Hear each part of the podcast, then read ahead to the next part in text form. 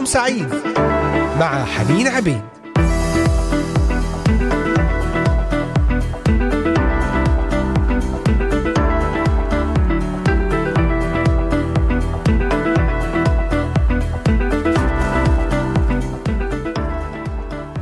أهلا وسهلا بكم جميعا أحبائي مستمعي ومتابعي إذاعة صوت الأمل في هذا اليوم الجديد الاثنين السابع والعشرين من شهر فبراير عام 2023 الساعة الواحدة وثمان دقائق بتوقيت القدس. من هنا من الأراضي المقدسة من إذاعة صوت الأمل حلقة جديدة وبرنامج نهاركم سعيد. على الهواء مباشرة معكم حنين عبيد وأجمل التحيات لكل من يستمعون أينما كنتم من مختلف بلدان الشرق الأوسط بلدان أوروبا كندا أمريكا أستراليا. أجمل ترحيب بكم جميعا. متابعينا على صفحة الفيسبوك إذاعة صوت الأمل وعلى منصتي التليجرام والإنستغرام Voice of Hope. أيضا من يستمعون إلينا من خلال منصات البودكاست المختلفة أنغامي سبوتيفاي ديزر أمازون ميوزك كاست بوكس أبل وجوجل بودكاست منصة Podbean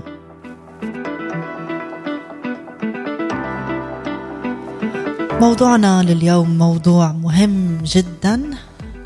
الروح القدس يحزن. نعم الروح القدس روح الله الساكن فينا يحزن. كيف؟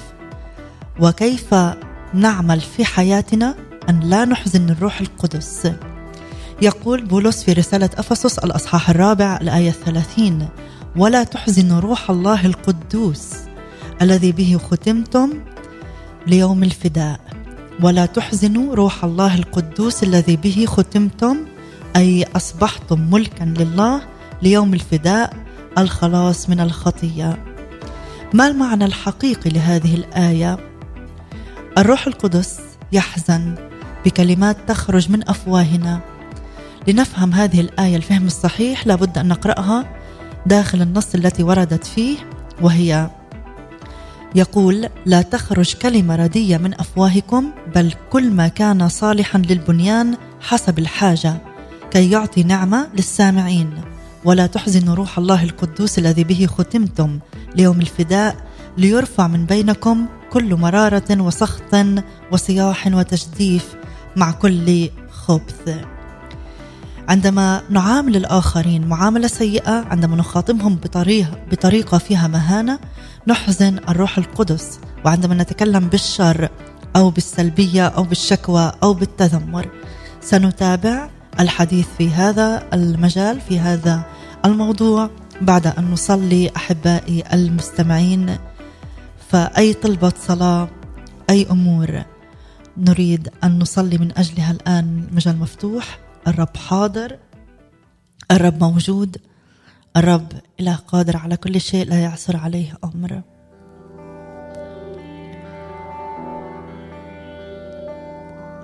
أبانا يسوع المسيح نباركك ونشكرك على يوم جديد على أسبوع جديد على يوم نتواجد فيه في حضورك فرصة فيها نجتمع حول حضورك شخصك كلمتك. يا رب نصلي أن تصل كلمتك إلى القلوب إلى الأذهان. تعطي استنارة تعطي توجيه. بركه لكل من يستمع يا رب. أي احتياج نفسي أي نفوس كئيبه حزينة مثقلة مهمومة في صراع الفكر عدم سلام عدم راحة في النوم. بركة يا رب سلام هدوء سكينة. قلوب البعيدين عنك يا رب أنت تجتذبها لمحبتك. نصلي من أجل أيضا كل إنسان يا رب يبحث عن الحق أن يعرف أن يسوع المسيح هو الحق هو الطريق هو الحياة. أنت المغير أنت معنى الحياة يا رب. نصلي من أجل كل إنسان متألم. يا رب أنت تلمس وتشفي. أنت تعزي أنت معز الحزانة أنت معز البائسين والنائحين يا رب. عوضا عن النوح عوضا عن البكاء. تعطي ترنيم وفرح. خاطبنا في كلمتك في هذا اليوم. باركنا وغيرنا لك كل المجد والكرامة إلى الأبد. آمين.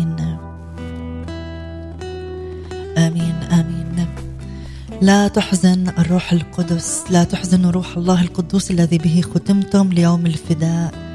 نحزن الروح القدس عندما نعامل الآخرين معاملة سيئة أو نخاطبهم بطريقة فيها مهانة. نحزنه عندما نتكلم بالشر والكلام السلبي أو الشكوى أو التذمر. نحن ختمنا بالروح القدس. ختمنا كشيء له إغلاق محكم فلا يصير عليه أي ضرر. لا يوجد ما يمكن أن يؤذينا طالما نحافظ على الختم الذي به ختمنا. حافظ على ختم الروح القدس. حافظ على ختم الروح القدس. عندما نحرص ألا نحزن الروح القدس وإن بقينا تحت قيادته وفي حمايته فإننا بذلك نحتمي في الختم الذي به ختمنا. مثلما نضع أشياء مثل الخبز نبقيه في كيس مختوم مغلق فيبقى الخبز طازجا. هكذا الأشياء التي لنا من الرب تبقى بشكل رائع. وتستخدم للآخرين إن حافظنا على ختم الروح القدس. كلها يا رب لا أريد أن أحزن روحك بعد الآن. لا أريد هذه الروح المتذمرة والناقدة. سنتحدث عن هذه الروح بعد الفاصل مع جيلان متى. امرا جديدا ونعود إليكم.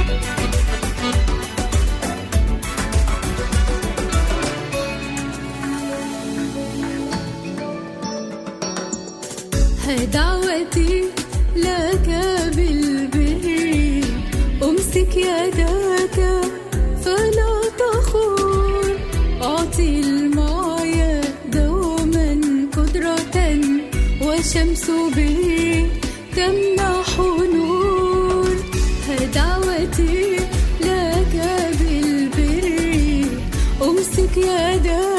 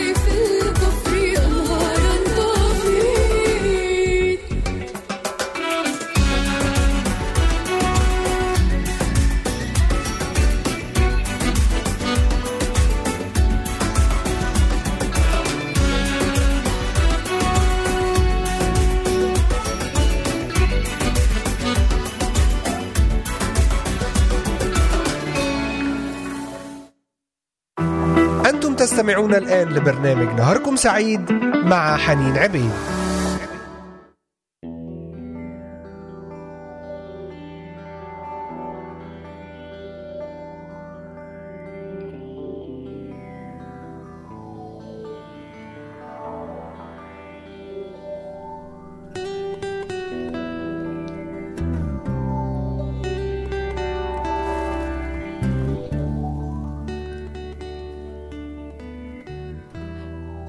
عدنا إليكم أحبائي بعد هذه الترنيمة المباركة مع جيلان متى. ها أنا ذا صانع أمرا جديدا. اعلن أن الرب يصنع أمرا جديدا في حياتك في هذا الموسم. نتكلم اليوم في حلقة نهاركم سعيد. لا تحزنوا روح الله القدوس الذي به ختمتم. وتحدثنا قبل الفاصل بأننا نحزن روح الله القدوس عندما نعامل الآخرين معاملة سيئة نخاطبهم بطريقة فيها مهانة نحزنه عندما نتحدث بالشر والكلام السلبي والشكوى والتذمر. وأيضا قلنا أننا سنتحدث عن الروح المتذمرة الناقدة والمتمردة. يقول في رسالة أفسس الأصحاح الخامس ولا القباحة ولا كلام السفاهة والهزل التي لا تليق بل بالحري الشكر. هنا الرسول بولس يحاول أن ينصحنا بتقديم الشكر للرب بدلا من أن نحزن الروح القدس بكلام سفيه لا يليق بنا. الروح الناقدة والمتذمرة والتي تبحث عن أخطاء الآخرين يجب أن تنزع تماما. يجب أن تنزع تماما من حياتنا من كنائسنا من بيوتنا.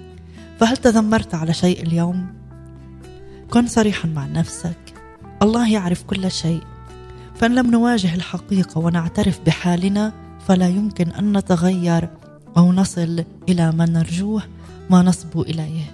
قد تقول لقد تذمرت على أشياء كثيرة اليوم ولكن هناك أسباب قوية جعلتني أفعل ذلك. الظروف صعبة. ظروف نشأت بها. والطريقة السيئه التي عوملت بها تجعل أي شخص في مكاني يتذمر. أحبائي هذه الأعذار وتقديم هذه الأعذار وأمثلة منها تجعلنا نبقى كما نحن بل وتمنعنا من التقدم إلى الأمام. الرب يسوع المسيح يقول لنا في إنجيل يوحنا الأصحاح الثامن الآية الحادية والثلاثين والثانية والثلاثين إن ثبتتم في كلامي وثبت كلامي فيكم تعرفون الحق والحق يحرركم. الحق يحرر ولكن يجب أن يطبق على حياتنا اولا. الروح القدس يعزي نعم لكن هنالك خاصية أخرى للروح القدس وهي التبكيت. هو المسؤول عن تطهيرنا وتقديسنا. فبعدما يزرع الرب البذره في قلوبنا يبدأ عمل الروح القدس فيعلمنا الكلمة ويسقي البذار. الروح القدس يرى أننا جنة لله التي يجب أن يزرعها وينميها وينقيها من الحشائش الضارة. فالأعذار التي نقدمها تشبه الحشائش الضارة التي يجب نزعها وإلا خنقت البذار. قد تكون عشت سنين أو وقت طويل في حياتك تتذمر وتشكو وتنقد الآخرين وتبحث عن أخطائهم. لكن عندما تأتي إلى الرب. بإمكانك اليوم عزيزي المستمع إن كنت تعاني من هذه الأمور التي تخنق البذار الشكوى التذمر الانتقاد قل له يا رب أنا آتي إليك أؤمن بك وأنت تقدر أن تحررني. أيا كان السبب إن كانت ظروف صعبة في نشأتي معاملة تعرضت لها لكن أريد أن أتحرر لأننا أحبائي إذا بقينا هكذا سنبقى كما نحن لن نتقدم إلى الأمام. نريد أن نتقدم نريد أن ننور نريد أن نكون النور وسط هذا العالم. تعالوا نستمع إلى هذه الترنيمة مع مخلص سعيد. عايزين ننور.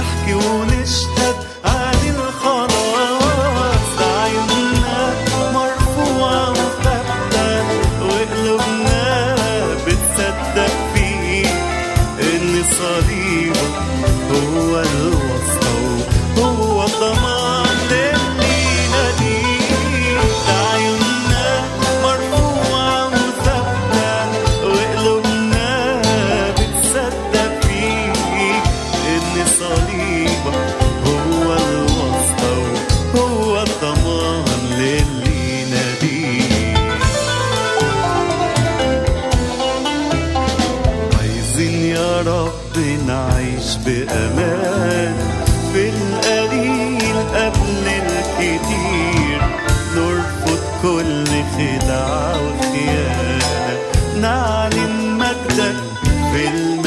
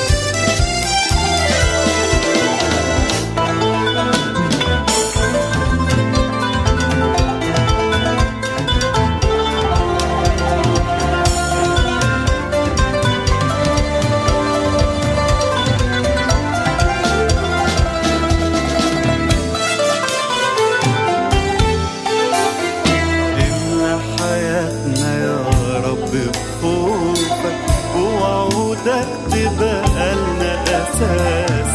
نكرم اسمك وانت عصور. في السر وقدام الناس. إلا حياتنا يا رب بخوفك. ووعودك تبقى لنا أساس. نكرم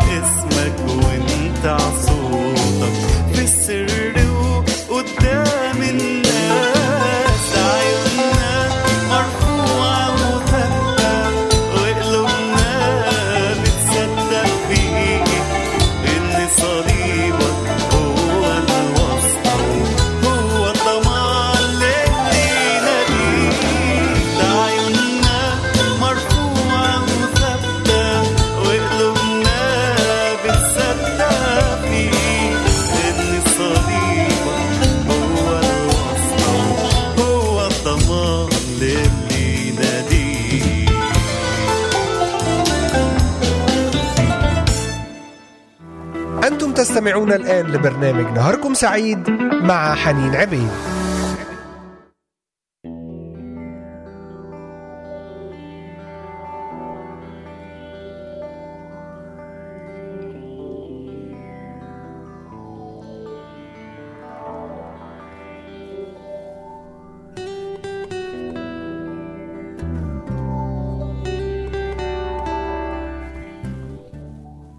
نعم عدنا إليكم أحبائي المستمعين بعد هذه الكلمات الرائعة مع مخلص سعيد.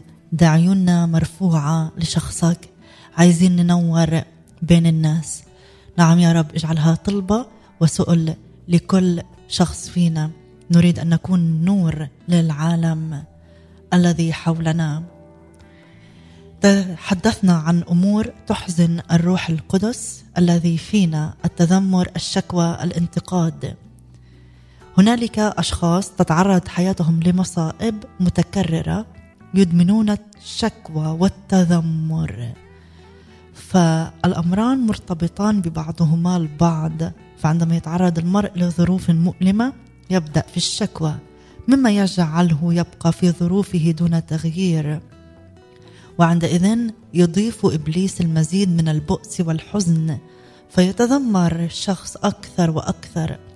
فيصبح هناك أمران يتذمر عليهما هذا الشخص ويدور الشخص في حلقة مفرغة ويدخل في دوامة من المشاكل التي تؤدي إلى الشكوى والتذمر ويتحول الأمر إلى أسلوب حياة ويشعر هذا الشخص بالحرمان والاكتئاب طوال الوقت وعادة ما يشعر بالوحدة أيضا.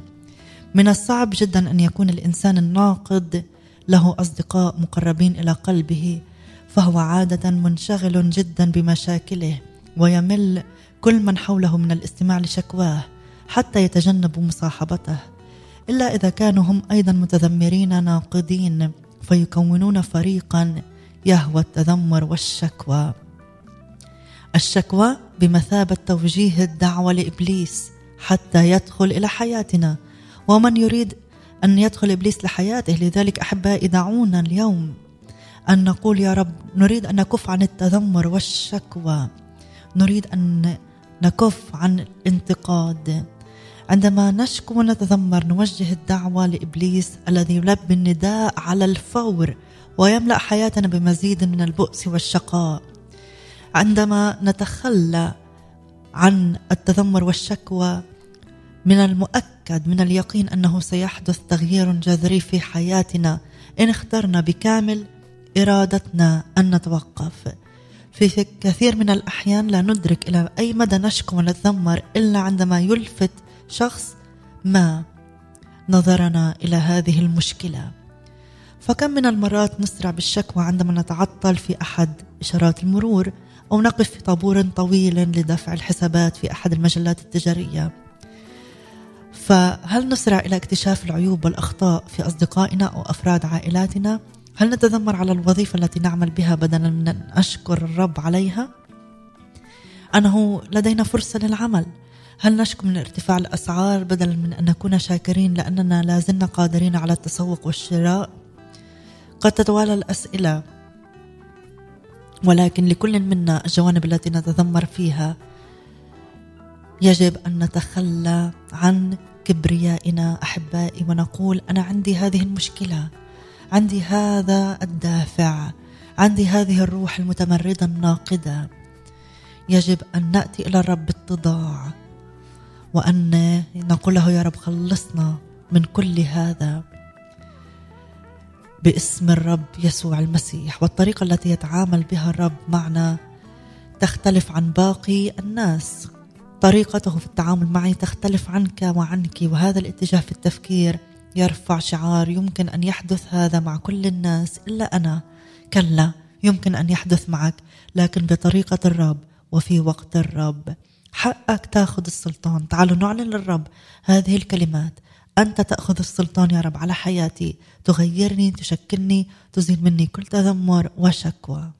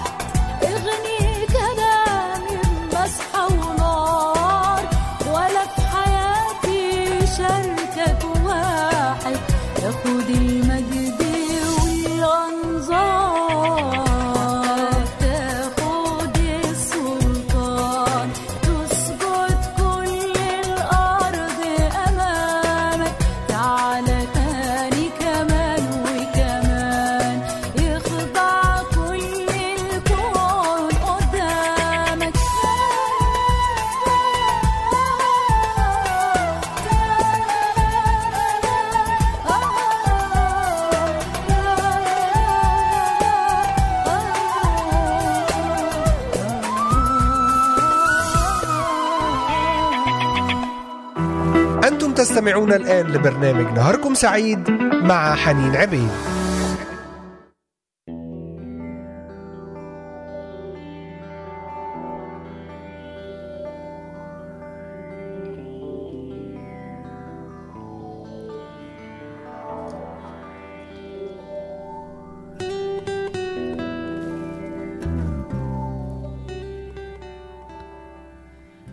نعم نكمل في حديثنا أحبائي. توقفنا عند نقطة قبل الفاصل. بأننا كثيرا ما نسرع إلى اكتشاف العيوب والأخطاء في حياة أشخاص قريبين منا حياة أشخاص في عائلتنا أو أصدقاء لنا.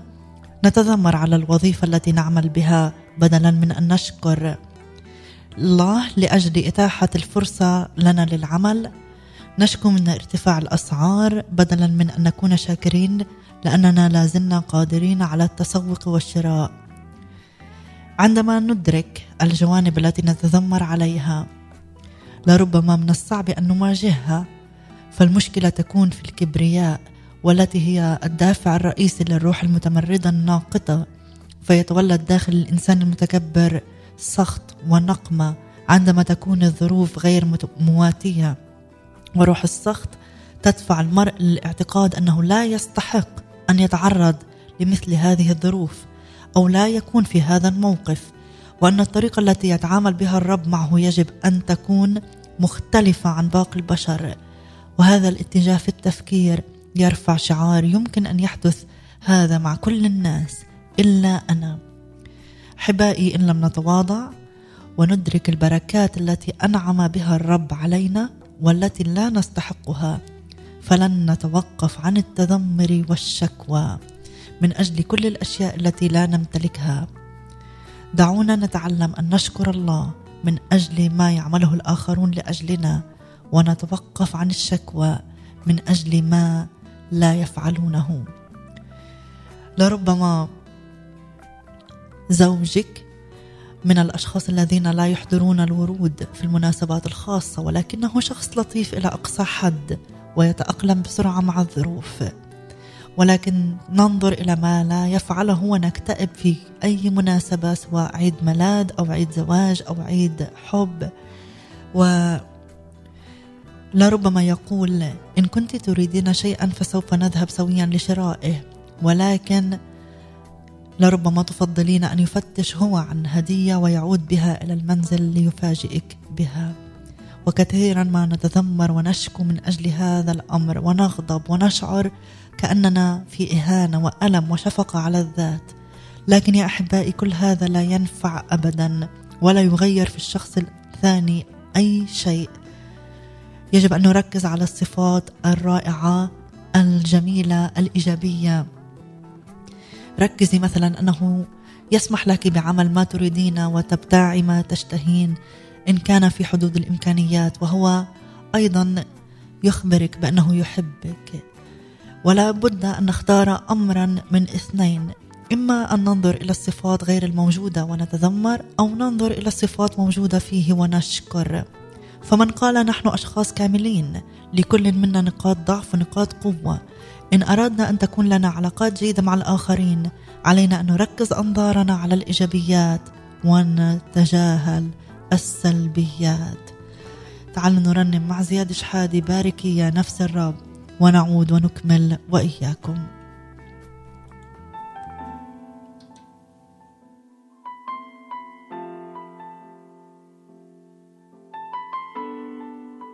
باركي يا نفس الرب ولا تنسي كل حسناته.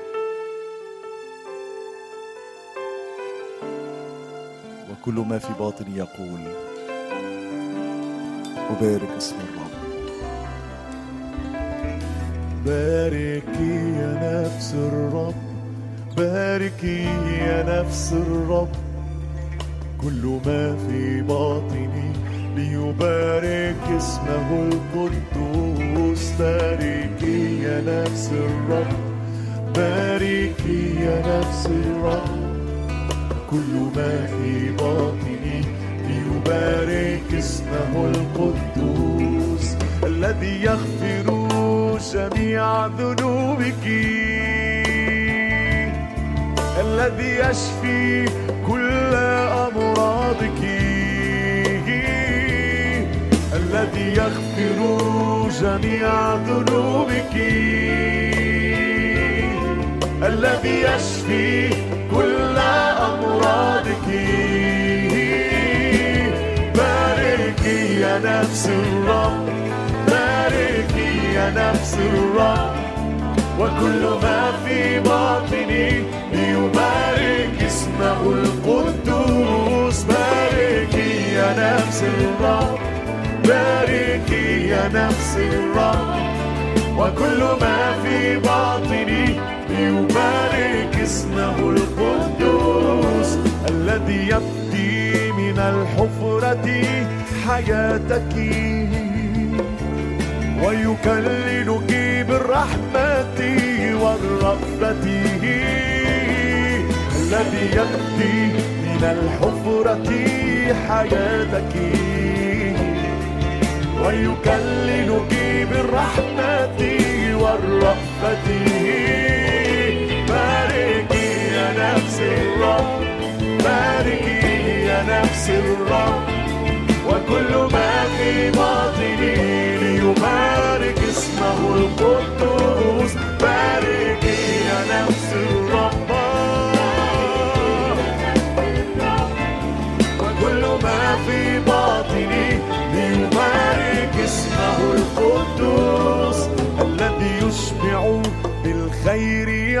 عمرك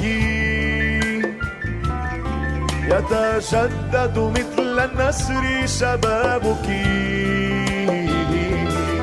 الذي يشبع بالخير عمرك فيتجدد مثل النسر شبابك باركي يا نفس الرب وكل ما في باطني ليبارك اسمه القدوس. باركي يا نفس الرب باركي يا نفس الرب. وكل ما في باطني ليبارك اسمه القدوس.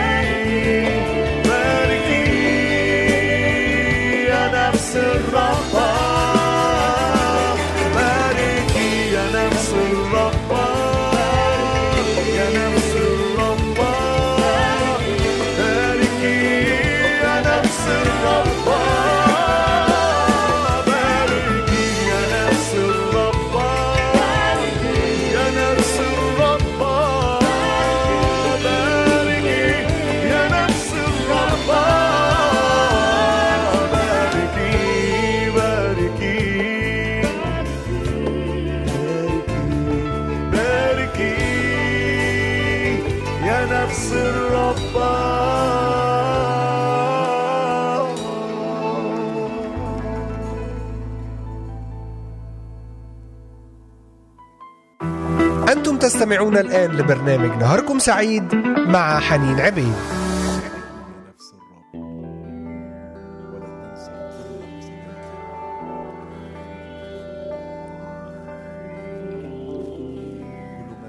نعم باركي يا نفس الرب ولا تنسي كل حسناته. باركي يا نفس الرب باركي ولا تتذمري ولا تشتكي ولا تنتقدي. تحدثنا في هذه الحلقة عن موضوع لا تحزن الروح القدس. نعم الروح القدس يحزن. الروح القدس يحزن في داخلنا روح الله القدوس. الله يحزن في كل مرة نتذمر نشكو ننتقد ندين أشخاص. نتكلم بالسلبية نتكلم بأمور لا تمجد الرب. بل يجب أن نبارك الرب. يجب أن ننظر إلى الأمور الإيجابية إلى الصفات الموجودة في الشخص ولا نتذمر ونشكر. فلكل منا نقاط ضعف ونقاط قوة نحن لسنا أشخاصا كاملين. يقول في تيموثاوس الثانية الأصحاح الثالث في الأيام الأخيرة ستأتي أزمنة صعبة لأن الناس يكونون محبين لأنفسهم محبين للمال متعظمين مستكبرين مجدفين غير طائعين لوالديهم غير شاكرين. ونعيش اليوم كما تنبأ الرسول بولس وسط جيل غير شاكر وغير معترف بالجميل. ويبدو أنه كلما زادت ممتلكات الناس زاد عدم تقديرهم للنعمة التي يعيشون فيها. ونعيش نحن المؤمنين في هذا العالم وعلينا أن نحارب ونجاهد حتى لا نكون مثل أهل العالم. فكلما زاد التذمر وجب علينا أن نقدم الشكر لله. يجب أن نكون نور في عالم مظلم. قال بولس في رسالة فيليبي الأصحاح الثاني افعلوا كل شيء بلا دمدمة ولا مجادلة لكي تكونوا بلا لوم وبسطاء أولادا لله بلا عيب وسط جيل معوج ملتو تضيئون بينهم كأنوار في العالم. تؤكد هاتان الآيتين أننا علينا أن نتوقف عن الشكوى لأنها هي من روح العالم. أما نحن فيجب أن نظهر للعالم الإله الذي نعبده. فنسلك كما سلك الرب يسوع ونتبع مثاله فنكون نورا لهذا العالم المظلم.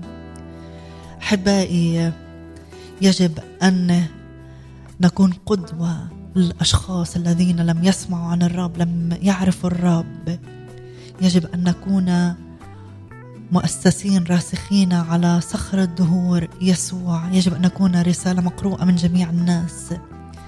فالعالم ليس بحاجة إلى ديانة جديدة. نعظ بها ونخبرهم عما يجب أن نفعلوه بينما نحن نفشل في عمله. ولكن نحتاج أن نظهر لهم من رب يسوع. عن طريق السلوك بطريقة تمجده وتعلن مبادئه. يجب أن لا نأخذ هذه الآيات باستخفاف. فالرب يأمرنا بأن نكون مختلفين عن العالم. لا نتذمر لا نشكو ولا نبحث عن أخطاء الآخرين ولكن نكون مباركين نبارك الذين حولنا. تحدي لكل يوم يقول بولس في رسالة فيلبي افرحوا في الرب كل حين. وأقول أيضا افرحوا. ليكن حلمكم معروفا عند جميع الناس. الرب قريب لا تهتموا بشيء بل في كل شيء بالصلاة والدعاء والشكر لتعلم طلباتكم لدى الله. في حاجة نحن أن نواجه هذا التحدي كل يوم فنرفض أن نتذمر على أي شيء. هذا لا يعني أننا نصحح الأوضاع الخاطئة. التي تحتاج إلى تعديل. ولا يعني أننا ندعي أن كل شيء على ما يرام ولا توجد أمور سلبية ولكنه يعني أن نسعى لأن نكون إيجابيين نسعى أن نكون إيجابيين بقدر الإمكان. لا تتذمر فالتذمر لا يحسن الأوضاع. تحدث المشكلة في قلب الإنسان أولا ثم تخرج من فمه. تحدث المشكلة أولا في قلب الإنسان وتخرج من فمه. نحتاج أن نغير نظرتنا للأمور وعندئذ تخرج ثمار هذا التغيير من أفواهنا. فلماذا لا تأوي إلى فراشك كل ليلة مفتكرا بالأمور التي يجب أن تشكر الله لأجلها؟ ولماذا لا تبدأ يومك بنفس الطريقة؟ أشكر الرب من أجل الأمور الصغيرة. أشكره لأنك استطعت العثور على مكان انتظار لسيارتك. أشكره لأنك استطعت أن تستيقظ في الموعد للذهاب للعمل. أشكره لأنك تستطيع أن ترى وتسمع أولادك. يجب أن تنمي عادة الشكر واجعلها تحديا أمام عينيك كل يوم. ولا تيأس عندما تفشل ولا تنسى أن الأمر برمته يحتاج إلى محاولة. استمر في محاولتك حتى تكون هذه العادة عاده منتظمه في حياتك. إننا نجيد الصلاة لأجل احتياجاتنا ورفع طلباتنا أمام الله. ولكن كم واحد منا يشكر عندما تأتي استجابة الصلاة. بالرغم من أننا نستمتع بشراء احتياجات أولادنا ومطالبهم إلا أننا نشعر بالاستغلال عندما يأخذون ما أحضرناه لهم دون أن تخرج كلمة شكر من شفاههم. أحبائي يجب أن يكون لدينا شكر للرب. عبر عن شكرك وامتنانك له لأن ذلك سيجعل علاقته معك وعلاقتك معه أكثر بركة وأكثر متعة وأكثر حلاوة. نعم يا رب نشكرك على هذا الوقت نشكرك على كل من استمع إلينا اليوم. نصلي أن تختم هذا الكلام بروحك القدس في قلوبنا وأعطنا أن نكون عاملين. فيه خلال هذا الأسبوع أن نشكر ولا نتذمر ولا نشتكي ولا ننتقد باسم الرب يسوع المسيح. لك البركة والمجد يا رب. بارك على أحبائي. سدد لهم كل احتياج. احفظهم في بقية هذا اليوم. آمين آمين آمين. أشكركم على حسن المتابعة والإصغاء. لنا لقاء آخر بنعمة الرب يوم غد عند الساعة الواحدة بتوقيت الأراضي المقدسة من إذاعة صوت الأمل. هذه تحياتي لكم. كانت معكم حنين عبيد وأترككم مع الترنيمة أنت تهتم بي. إلى اللقاء بنعمة الرب.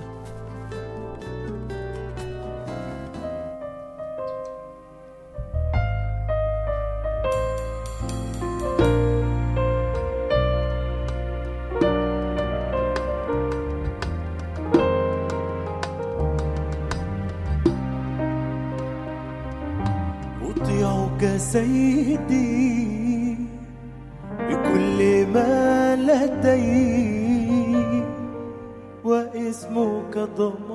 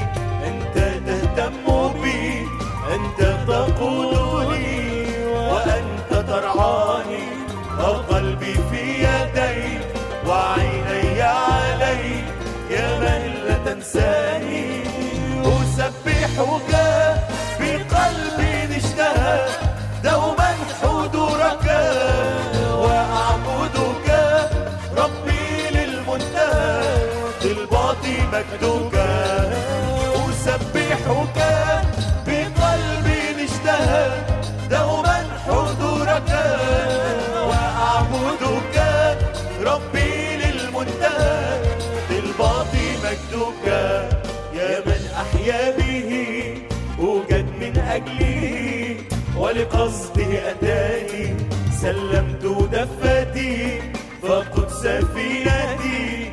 أثق بك إيماني يا من أحيا به أوجد من أجله. ولقصده أتاني سلمت دفتي فقد سفينتي. أثق بك إيماني